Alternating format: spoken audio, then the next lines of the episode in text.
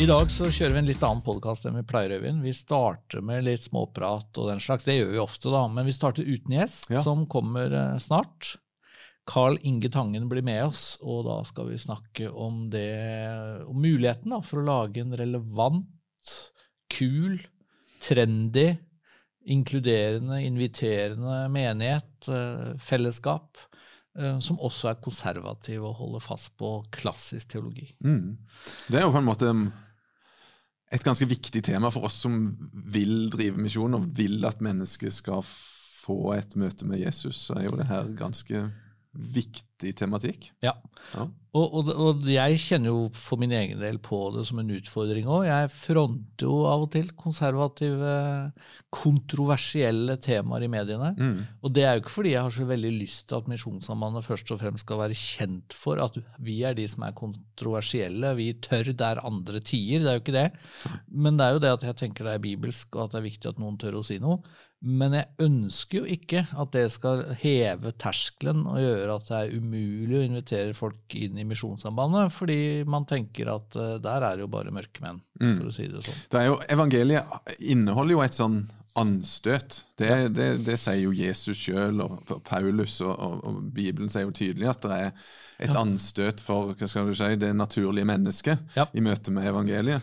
Men vi trenger jo ikke å gjøre de anstøtene altfor mange og store. Og, og så, men, men ja, nei, kjempe litt med det der. Ja, og det fins falske anstøt. Ja. uh, hvis folk blir eh, sure eller skuffa over noe vi sier, noe jeg sier, fordi jeg bare sier ting på en utrolig provoserende måte, Mm. så, så er det verdt å tenke over kan jeg kommunisere eh, Mm. bedre. Men litt småprat, litt andre ting. Eh, skal vi Ja. snakke om fotball? Du er eh, Ja. oppglødd over Manchester United? Nei, kanskje ikke. Ikke så veldig, men, men hvis vi snakker norsk fotball, så, så, jo, så hadde jo Start en fantastisk serieåpning her med Du 5-1. så kampen? Nei, det gjorde jeg Nei, ikke, du faktisk. ikke. Jeg så kun uh, siste del, og, og så ble jeg litt begeistra og så selvfølgelig alt av oppsummering og kommentarer etterpå. Men, uh, men jeg hadde ikke noe sånn Før sesongen så hadde jeg ikke noe veldig forventninger, egentlig. Men det er jo litt skuffende. Altså, når de har kommet seg ned i Obos-ligaen, ja. så bør det jo være Det er noe med det at det er mye lettere å være en Det var jo i fisk. Obos-ligaen i fjor òg. Ja, Og det var, jo, det var jo av og I løpet av sesongen så var det jo tider der det var nærmere nedrykk enn opprykk. Okay, Så ja. det er klart. Men jeg er Jeg jo de ingen nedgangssupporter, så det er jo i tykt og tynt. Jeg trodde de praktiserte eh, dette mottoet det er bedre å være en stor fisk i en liten dam Ja. enn en liten fisk i en, En stor stor dam. Ja. Men jeg heier jo på Strømsgodset. ja. Ikke noe så vanvittig intenst, men det er klart at det å tape for Jerv eh, fra Grimstad Lag med minst kamp budsjett, og alle tar, tipper de ned så På fort hjemmebane òg, var det vel i Drammen. Jeg har prøvd Nei, å nei, det var fortrenge på det. Var det på Leve, Levemyr? Levermyr? Levermyr, faktisk? ja. Levermyr. Ja. Ås.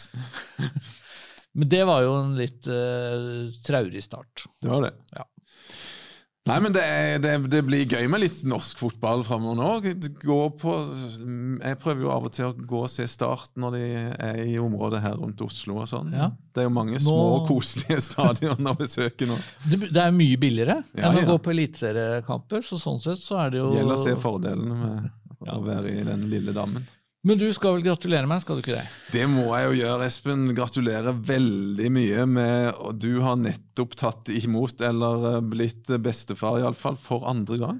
Andre gang, altså. Det, Og nå, du ble jente igjen. Jente igjen. Det kommer rett og slett jenter hver mars Ja. for tiden. Så hvis det er noen flere sønner som Jeg har tre, da. Hvis de hører på, så, så syns jeg det kan jeg godt melde at jeg liker den tradisjonen. Mm. Så det er, for min del så er det bare hyggelig. Hvis det, hvis det kommer jevnt og trutt barnebarn i mars. Ja. Ja. Så nå uh, fikk jeg faktisk bilde på telefonen her i stad Mhm. av at kusinene fikk et møte. Fire-fem dager gamle Klara Mhm. fikk da møte ett år gamle Åsne. Fantastisk. Så det Ja, så det ut som, uh, som de hadde det bra, og det, nei, det er stas. Og en påminnelse om at vi ikke er så unge lenger.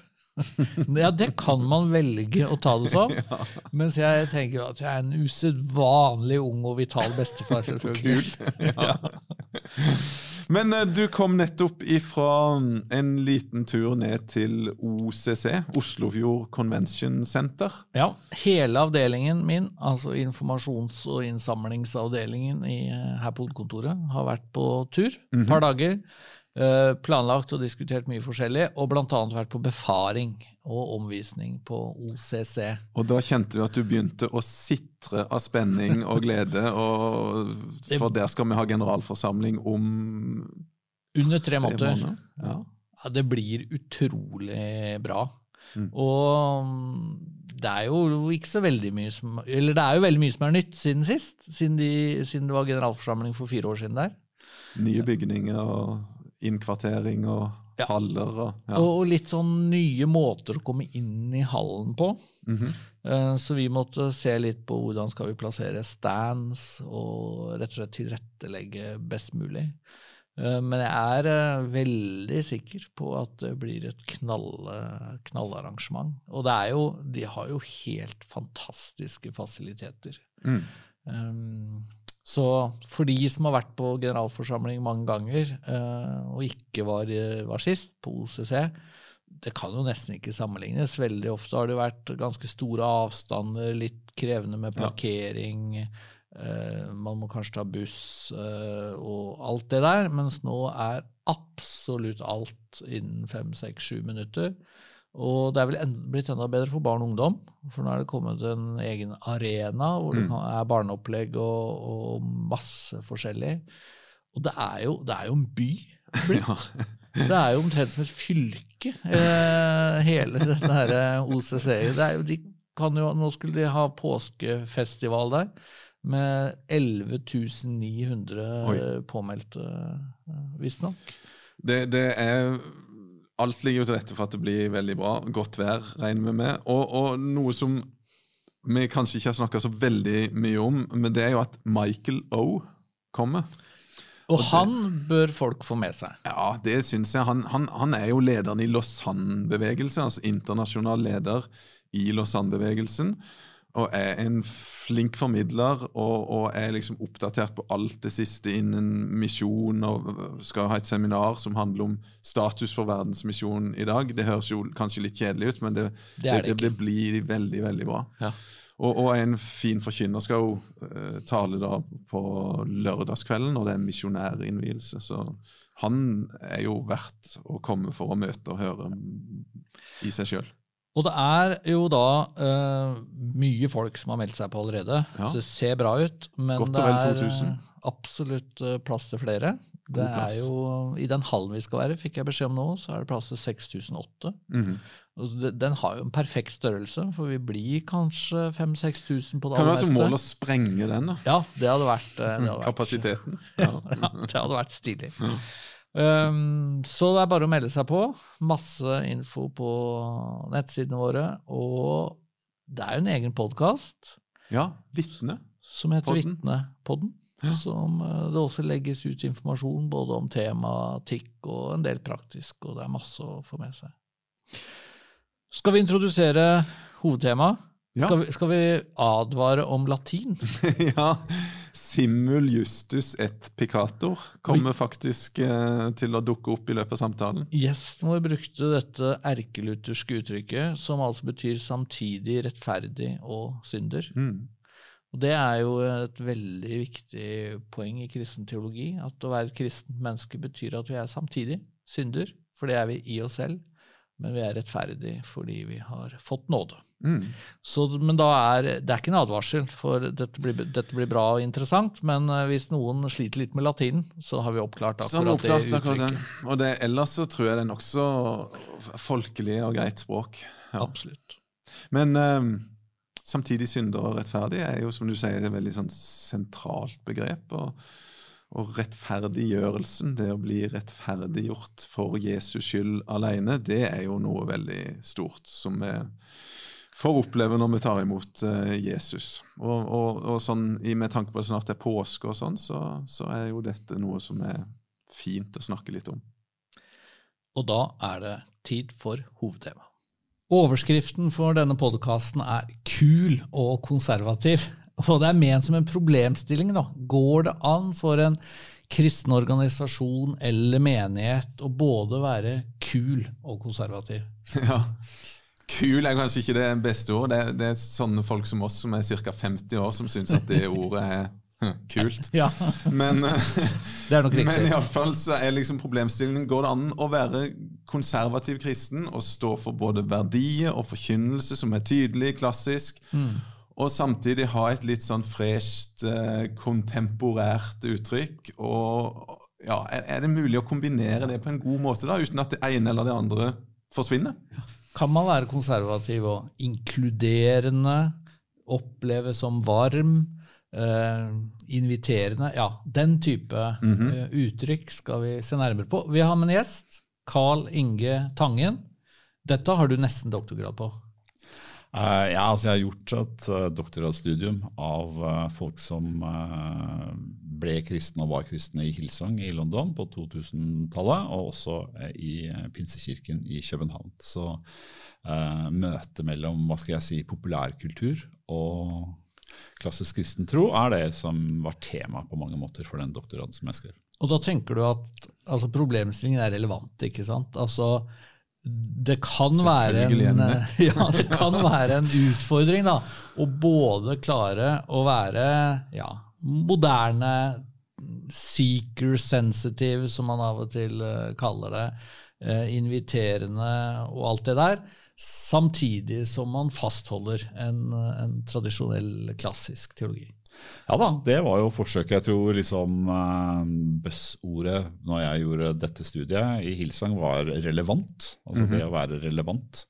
Um, og definitivt, det er jo det på en måte sånn en misjonsteologisk problemstilling som de fleste av oss prøver. Vi prøver jo å formidle evangeliet inn i vår egen kontekst. Vise hvordan det er relevant for mennesker, og samtidig være tro mot kilden.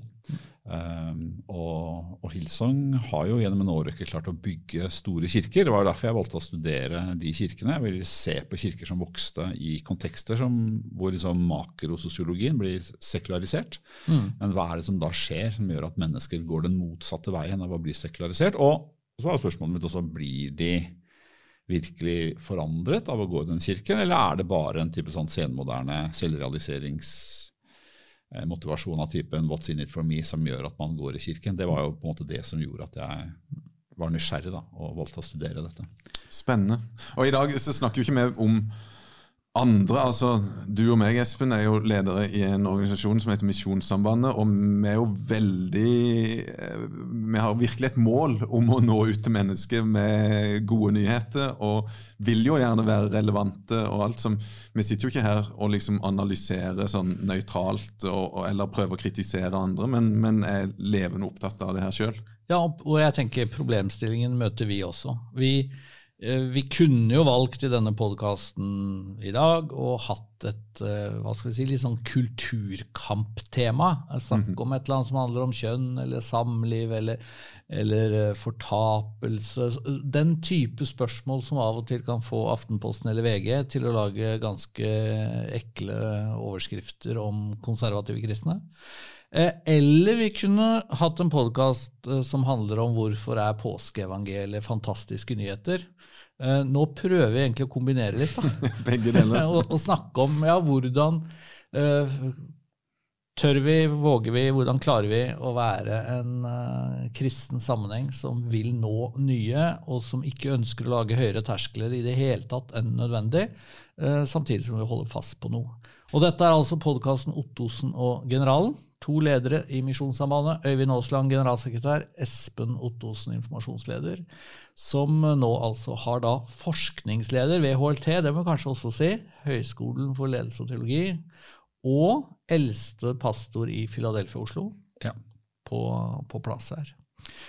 Men eh, når du dro, for å starte med det, til London, Hillsong, det var, det var kul menighet da. Altså Hillsong har på mange måter vært litt sånn i front når det gjelder å være moderne. Det må man kunne si. Ja da, uh, Hillsong og eh, australsk krinsebevegelse kom på en måte på min radar på 90-tallet, for da jobba jeg med ungdom og liksom så noen som virkelig brukte eh, et kulturelt språk og et musikkspråk, ikke minst, som, mm. som, var helt up to date. Og det fikk jeg vite etter hvert også, at uh, de studerte hitlistene og, og, ga sine ungdommer beskjed om å lage musikk i akkurat den sjangeren som for tiden ligger høyest oppe.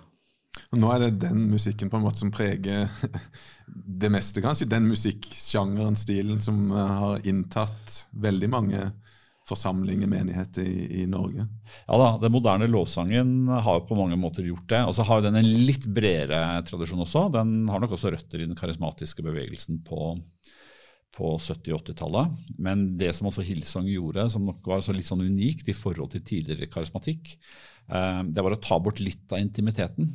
Eh, det var ikke så mye Jesus av meg, men, men, men, også tekster på en måte som kunne fungere i et rom hvor ikke-kristne var til stede. Og også et uttrykk som gjør at uh, noen av de jeg intervjuet som hadde kommet til Hillsong helt tilfeldig og ikke var kristne, følte at de kom inn på en rockekonsert mm. med en preken i midten. på en måte, mm. uh, Og kjente seg igjen på en måte i forhold til deres eget kulturelle uttrykk. da. Men fungerer det? Altså, det, det er jo litt av problemstillingen. Eller blir det som du du nevnte i stad et, et, slags sånn åndelig selvrealiseringsprosjekt, hvor uh, de som finner sin plass da, i en sånn menighet, det er de som, som opplever at dette, det er noe in it for me. Uh, hva, hva, ble på en måte konklusjonen din? Konklusjonen min var for det første at jeg tror at alle mennesker har jo Vi er nok fremdeles såpass Det vet jo dere som er lutheranere, som tror på simul justus et peccator. jeg tror ikke også de fleste mennesker tenker at jeg går i en kirke også for å få noe ut av det selv. Et sted hvor familien min kan ja få venner osv. Men spørsmålet er om det skjer noe mer. Mm. Om jeg gir meg selv til noe som er større. Eh, og Svaret på det er at det er ganske store individuelle forskjeller når man studerer folk. Men en ganske stor andel av mennesker som jeg møtte både i København, men også i Hillsong London, fikk virkelig livet sitt forvandlet i det at de på en måte investerte mye av seg selv og mye av sin tid, og egentlig også mye av sin identitet, i det å være med å bygge kirke Eh, som også var et sånt buzzword da, eh, på, mm. på, den tiden. Byggekirke. Ja. Men sånn, for en litt sånn skeptisk misjonssambandsmann som meg, da, så er det jo lett å si at eh, hvis ønsket om å bli populær, relevant og alt det her blir for sterkt, så kan det veldig fort gå på bekostningen av hvor tydelig du er i evangelieforkynnelsen, f.eks. Ja, det er snart påske, vi snakker om Jesu offerdød. ikke sant? Vi, vi, vi snakker, tenker jo hos oss at livet har to utganger. Fortapelsen er en mulighet. Tenker du at det kan, i iveren etter å bli populær og relevant, så, så går det på bekostning av noen sånne ting, eller? Eh, det er selvfølgelig, Jeg tror det er en spenning, og det man kan si man kan analysere på en måte teologien på, på to nivåer. Du kan på en måte ta opp troslæredokumentet og så se er alt på plass her i forhold til -hmm. klassisk kristen tro, og da er svaret ja. Men så kan du selvfølgelig også se hva slags fortelling, hvilket narrativ om det kristne livet og hva det vil si å leve kristen i dag. Eh, hvilket narrativ er det som faktisk fortelles? Og er, spiller liksom de klassisk dogmatiske sannhetene egentlig noen rolle i den fortellingen, eller blir det noe annet? Eh, jeg kom vel til at um, Hilsen balanserte delvis på kanten, men innafor da, i, i, det å presentere et klassisk kristen forkynnelse. Um, men den ble også da kritisert av evangelikale uh, i Australia, f.eks. på den tiden jeg gjorde doktorgrad. Og kanskje på overraskende måter. Eh, de hadde kommet og ventet å finne en karismatisk menighet, men mente på en måte at de møtte en menighet med veldig mye sosialt engasjement. Veldig stor grad av måte, den tanken om at du er blessed to blessed others. Og da et veldig stort arbeid i Afrika for bl.a. barn som hadde blitt uh, foreldreløse pga. aids-katastrofene. Så det blir de kritisert for av andre evangelikale? Ja, ja, altså man følte at liksom, hvor blir på en måte liksom, kors og soningsdød og sånn av? Du kan si den, den delen i gudstjenesten som ivaretok det, hvis man analyserer liksom, teologien i praksis. For alt er der i, alt er der i dokumentene. Så er det jo sånn, Man ber synderes bønn. på en måte, Man inviterer alltid mennesker til å bli kristne på slutten av gudstjenestene. Da ber man en bønn. Takk Jesus for at du døde for mine synder, osv. Så, videre. så det liturgiske elementet, da, hvis man skal bruke et ord de selv ikke bruker, det på en måte ivaretar litt av den klassiske teologien. Og så er det ganske mye også i denne fortellingen som nok passer inn i særlig anglosaksisk, altså amerikansk, engelsk selvrealiseringsfortelling om suksess og sånn, så er det også et element av å dø fra seg selv fordi man mm. følger Jesus. Så, så, det er ikke en helt sånn hjernedød etterplapring av den sekulære kulturen. Man forsøker å legge inn, men samtidig så er man da opptatt på en måte da av at Jesus hjelper deg til å leve da, som et vestlig middelklassemenneske. Det, det er man også opptatt av. Ja, for Noe av det jeg tenker er en spennende problemstilling, og kanskje særlig for de som er yngre kristne i Norge i dag, ja. det er jo at uansett hvor hipp og kul, eller hvilket enda mer hipt og ut, kult uttrykk man bruker, den menigheten man går i er, uansett ja. hvor bra musikk det er, trendy kan du bruke. og trendy er ja. sikkert det jeg kan bruke, så, så, må man jo på en måte være forberedt på eh, at folk vil riste kraftig på hodet over at du er kristen, det er nå én ting, men at du til og med går i en ja, konservativ menighet. Og, og, kanskje særlig hvis disse samlivsspørsmålene kommer på radaren. Mener du virkelig at det er galt med sex før ekteskapet? Du kjæreste, du, er, du har kjæreste, du er 19 år. Eh, hvilken, eh, hvilket århundre lever du i? Vil jo være en reaksjon man får. Og da har jeg lurt litt på eh, klarer man å forberede ungdommer på at det mm. kan koste litt?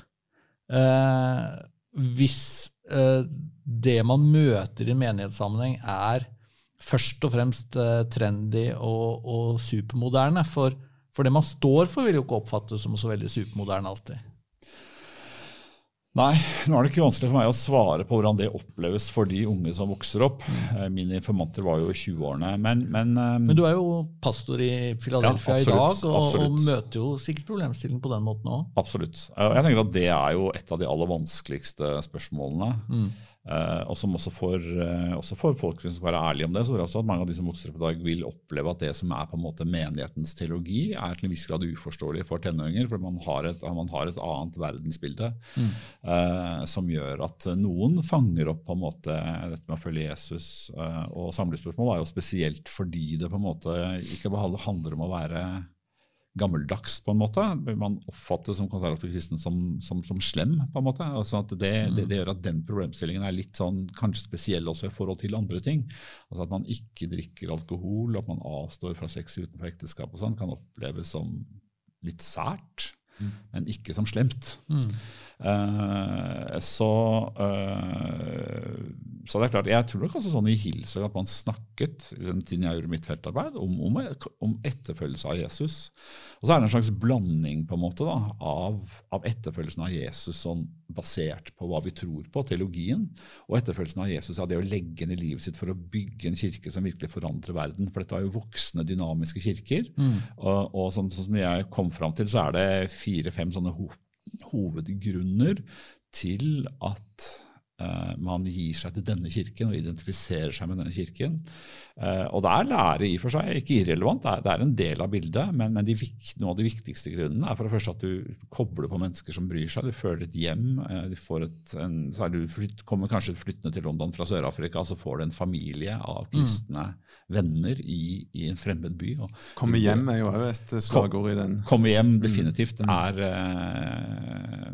et, et, buzzword der. Mm. Så, så, så, så, det er liksom ett av de. Og så har du også denne følelsen av at vi forandrer verden. Og Tatjana Schnell eh, snakker sånn generisk altså Meningen med livet er at jeg, jeg skaper noe, og for å skape noe så ofrer vi noe. Mm. Så jeg tror at offermotivet er der, men det er mer sånn at vi, vi, forandrer på en måte verden for Jesus. Og gjennom det så betaler vi på en måte da en smerte. Mm. mm. Eh, men, men, men, vi har likevel følelsen av å være betydningsfulle, ikke bare lidende. Mm. Eh, det tror jeg på en måte er litt av, Hvis man skal forstå narrativen, så, så, er det Og jeg vil også si at Det Nytestamentet har jo mye av den samme narrativen. Ikke sant? Her Jesus proklamerer at Guds rike kommet nær, og man er med på denne revolusjonen som Jesus representerer. Og gjennom det så opplever man også motstand og forfølgelse og blir misforstått. Eh, men, men man, man, betyr en forskjell, og da, da, da, bærer man det korset som en del av den pakka. Mm. Det var for et par år siden, like før pandemien, så var jeg en tur i USA og traff en pastor i Phoenix. Som, var, som, fortalte meg noe veldig interessant. Det har sikkert du hørt om før. Men det er sånn, en av organisasjonene for eh, homofiles rettigheter og, og, og, sånn hadde en liste, en sånn shaming-liste over eh, store menigheter i USA som eh, egentlig var imot da, homofilt samliv, og sånn, for å si det på den måten de gjorde, men som skjulte det. Eh, og, og, og så, ville, så ville bare denne organisasjonen da vise tydelig, hadde en lang liste over alle kirkene som faktisk mente at homofilt samliv var synd, men de hadde det ikke i noen av sine hjemmesider eller i noen av sine dokumenter som var tilgjengelige. og sånn. Så han, Pastoren jeg møtte, han var veldig opptatt av at det her må vi, vi må stå fram og fortelle hvem vi er. Og, og, og, men samtidig så var han veldig opptatt av å være trendy, relevant og, alt det her. Og han kjempa veldig med de tinga her. Men, men jeg syns det var veldig interessant at på en måte så har dette gått så langt i USA at vi, vi, vi, vil være trendy. Vi prøver å skjule de her tingene som vi mener. Det får komme en eller annen gang, men i alle fall ikke veldig tidlig. Men de her organisasjonene kjørte på og, og, og, og liksom shama de, da, skapte skam over disse menighetene. ja, så uh, du kan si at De to kirkene jeg studerte, håndterte det spørsmålet ganske likt. Um, uh, og så er Det klart at her er, det er jo forskjell liksom, når vi liksom, jeg lanserte jo mitt studium på slutten, altså overgangen 2009-2010. Skjedde en del siden den tid? Det har skjedd en del siden det. Eh, men klart at det som nok var viktig for Hillsong den gangen, da var det ikke så tungt etablert i USA som de da har vært mm. de siste ti åra. Eh, men jeg reiser jo på en måte, også med, selv jeg som da kommer fra en pinsebakgrunn, kommer på en måte fordommer. Møter jeg her liksom en sånn right-wing-greie som du liksom forbandt da med på en måte moral majority pinsevenner i, i, i USA. Og møtte jo noe helt annet. Ikke sant? For det første så viste seg jo da at liksom, det var sånn 50-50. Det var faktisk litt flere som stemte på Labour enn det var som stemte på de konservative da, i, en undersøkelse gjort i, i, så, Sydney. Så politisk, så var, det det var, det helt annerledes ja, uh, enn det jeg hadde trodd. Og, og, og, og, tanken på en måte at vi skal stå på barrikadene, var mer sånn på en måte her at vi forkynner Jesus. Uh, og så uh, vil man liksom ikke flashe samlivsspørsmålet, for man opplever at det blir en støysender for evangeliet. rett og slett. Mm. Uh, men være tydelig når man blir spurt. Og Det var jo også Brian Houston etter hvert. ikke sant? Mm. og da kanskje kom på shaminglista til han du snakker om. Mm. men tanken var nok veldig sånn på en måte at um, jeg brukte gjerne bilde av Middelalderborg da jeg skrev avhandlingen min. for det var liksom sånn, Noen år etter uh, 'Ringenes herre'. og Der har du disse her eh, borgene i midten, og så har du liksom utpå landet så bor bøndene. og Der lever de stort sett mesteparten av livet sitt. Men når, når, det er krig, så stikker man inn i borgen. på en måte. Mm. Og, og, sånn som, og sånn klassisk misiologisk modell av såkalt centered set, egentlig, det er at uh, du vil møte ganske mye forskjellige etiske holdninger rundt rundt på en måte kjernestaben i, i Hillsong. Mens kjern, kjernestaben er konservativ, men du vil møte praktiserende homofile for eksempel, på, som er med som møteverter eller en eller annen tjeneste. på en måte. Sånn man, som kanskje ikke vet om hva som er jo, kirkens offisielle syn? Det. Ja. Jeg tror ikke de vet det. De vet at de da ikke kunne bli pastorer eller liksom mm. ledere på et visst nivå, men de følte likevel at at dette var et sted da, hvor, hvor, man opplevde gjestfrihet og en form for akseptasjon, selv om man mm. ikke opplever da, å mm. bli akseptert fullt ut. Ja. Og, og sånn bør det jo til en viss grad være, tenker jeg. Eh, I den betydning at hvis man når mange nye mennesker, og har en kirke som har lav terskel, eh, så ønsker man jo at uh, mennesker også kan få være i et fellesskap, oppleve at det er godt å være i det fellesskapet, og ikke bare møte tydelighet. da. Det er jo å finne den der balansen ja. som må være målet på et eller annet vis. Og det er litt, litt sånn organiseringen. Altså ja. det, I København er det en tilsvarende historie hvor en ganske kjent sexolog da blir kristen og kommer inn. ikke sant? Og så oppdager hun da sånn, tre måneder ned i veien hva denne kirken lærer om sex for ekteskap. Og sånn. Og så går hun til pastoren og sier at jeg har opplevd mye avvisning i livet mitt. Ja. Og dette her med ikke-ekteskapet og ikke skeive forhold og sånn, det er, opplever jeg som bare tull. Så jeg bare sier, det er det jeg mener. Hvis, hvis det betyr at du blir kasta ut av kirka, så vil jeg bare si det nå. liksom. Ja. Så får du en samtale og sier at hvis du kan leve med en pastor som har konservative meninger, så kan du fortsatt gå i kirka. Mm. Uh, og Det gjør jo også på en måte at uh, veldig mange av de også forestillingene som jeg hadde på en måte da, med en sånn ren kirke, møtte meg nok veldig litt sånn knust i møte med, med virkeligheten her. Ikke sant? Sånn klassisk fortelling som hadde vært vanskelig i min kristne oppvekst. Sånn, jeg møter en dame og sier at ja, ja, 'hvordan ble du kristen?' Ja, 'Kjempebra'. ikke sant? Jeg opplevde dette var så fint. Hun bestevenninna mi her, hun var gift med mannen min før. ja. Og så var det hun som introduserte meg til denne kirka. på en måte. Mm. Sånn at uh, veien til kirke da, vil være mye mer sammensatt på en måte enn det, det kanskje jeg hadde forestilt meg på, på forhånd. Og Derfor så blir liksom disse kirkene veldig sånn centered. Du, du har en, en, konservativ kristen kjerne mm. som på en måte eh, opprettholder tradisjonen. Og så kan man si hvor godt opprettholder man den hvis man på en måte ikke klarer å liksom gjenta dette budskapet gang etter gang. etter gang etter gang. Blir man liksom langsomt så bare siver dette området mm. inn fra siden, og så blir det ikke noe igjen i midten? Det, det er selvfølgelig et spørsmål å stille. Og da er det jo litt fristende å å, hekte på da, et spørsmål om alle disse skandalene som har vært knytta til Hillsong i det siste. Nå har det vært noe knytta til Bill, nei, um, Brian. Mr. Brian Houston, som, uh, som, jo startet hele menigheten for uh, noen tiår siden. Ja. Uh, og så var det jo noen skandaler knytta til en pastor i New York som hadde døpt Justin Bieber, og var kanskje litt ekstra kjent pga. det. Ja. Og noen vil jo si får de på en måte uh, svi fordi de har vært så utrolig opptatt av å være relevante og trendige og litt ekstra kjendisfokuserte, kanskje. Hva, hva tenker du om det? Det er selvfølgelig et veldig sammensatt spørsmål. Um, Uh, man kan jo falle i synd selv om man ikke er hipp også, det, det tror jeg man skal huske på uh, her. Uh, så er det også veldig forskjell på, på Brian Houston-saken og den tidligere Bieber-pastoren. var nok på en måte um, mer over tid verre ting enn det han snakker om. Men det er vanskelig. Det, ja, altså, du kan si at um,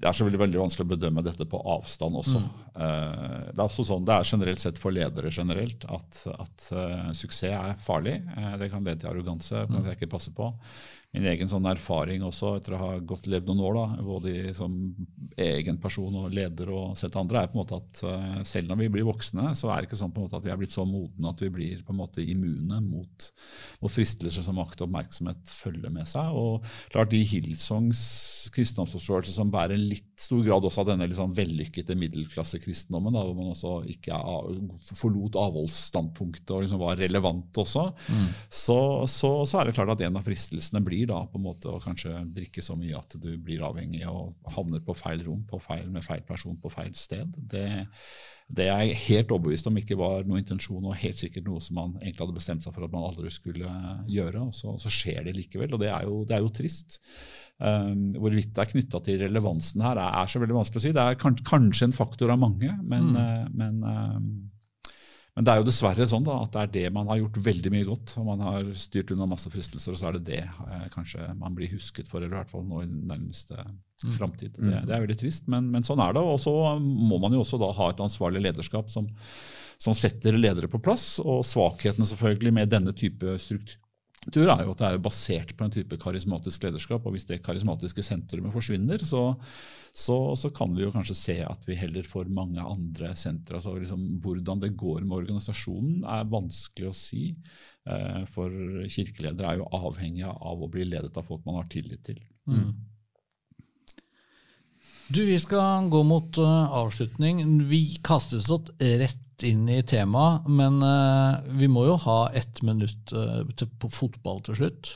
Og da merker jeg meg med en viss interesse at uh, det er Obos-ligaen som gjelder for dere.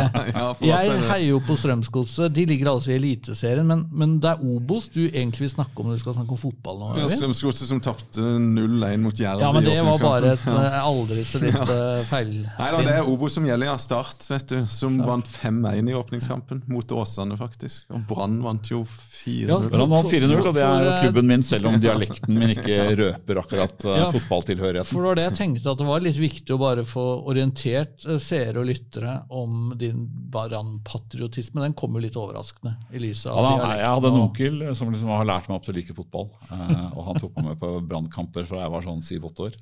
Ja, fint. Eh, og etter det så har jeg visst at eh, ekte lidenskap har et navn. Ja, men Da fikk vi tatt eh, en litt sånn variert podkast, tross alt. Tross selv om vi bare kastet oss over temaet, går det an å lage en menighet, eh, bygge en kirke som både klarer å være relevant, og som klarer å fastholde klassisk teologi. Og med det så sier vi takk til Takk alle nå. som hørte og lytta på. Og så finner du oss på YouTube og overalt der det er podkaster.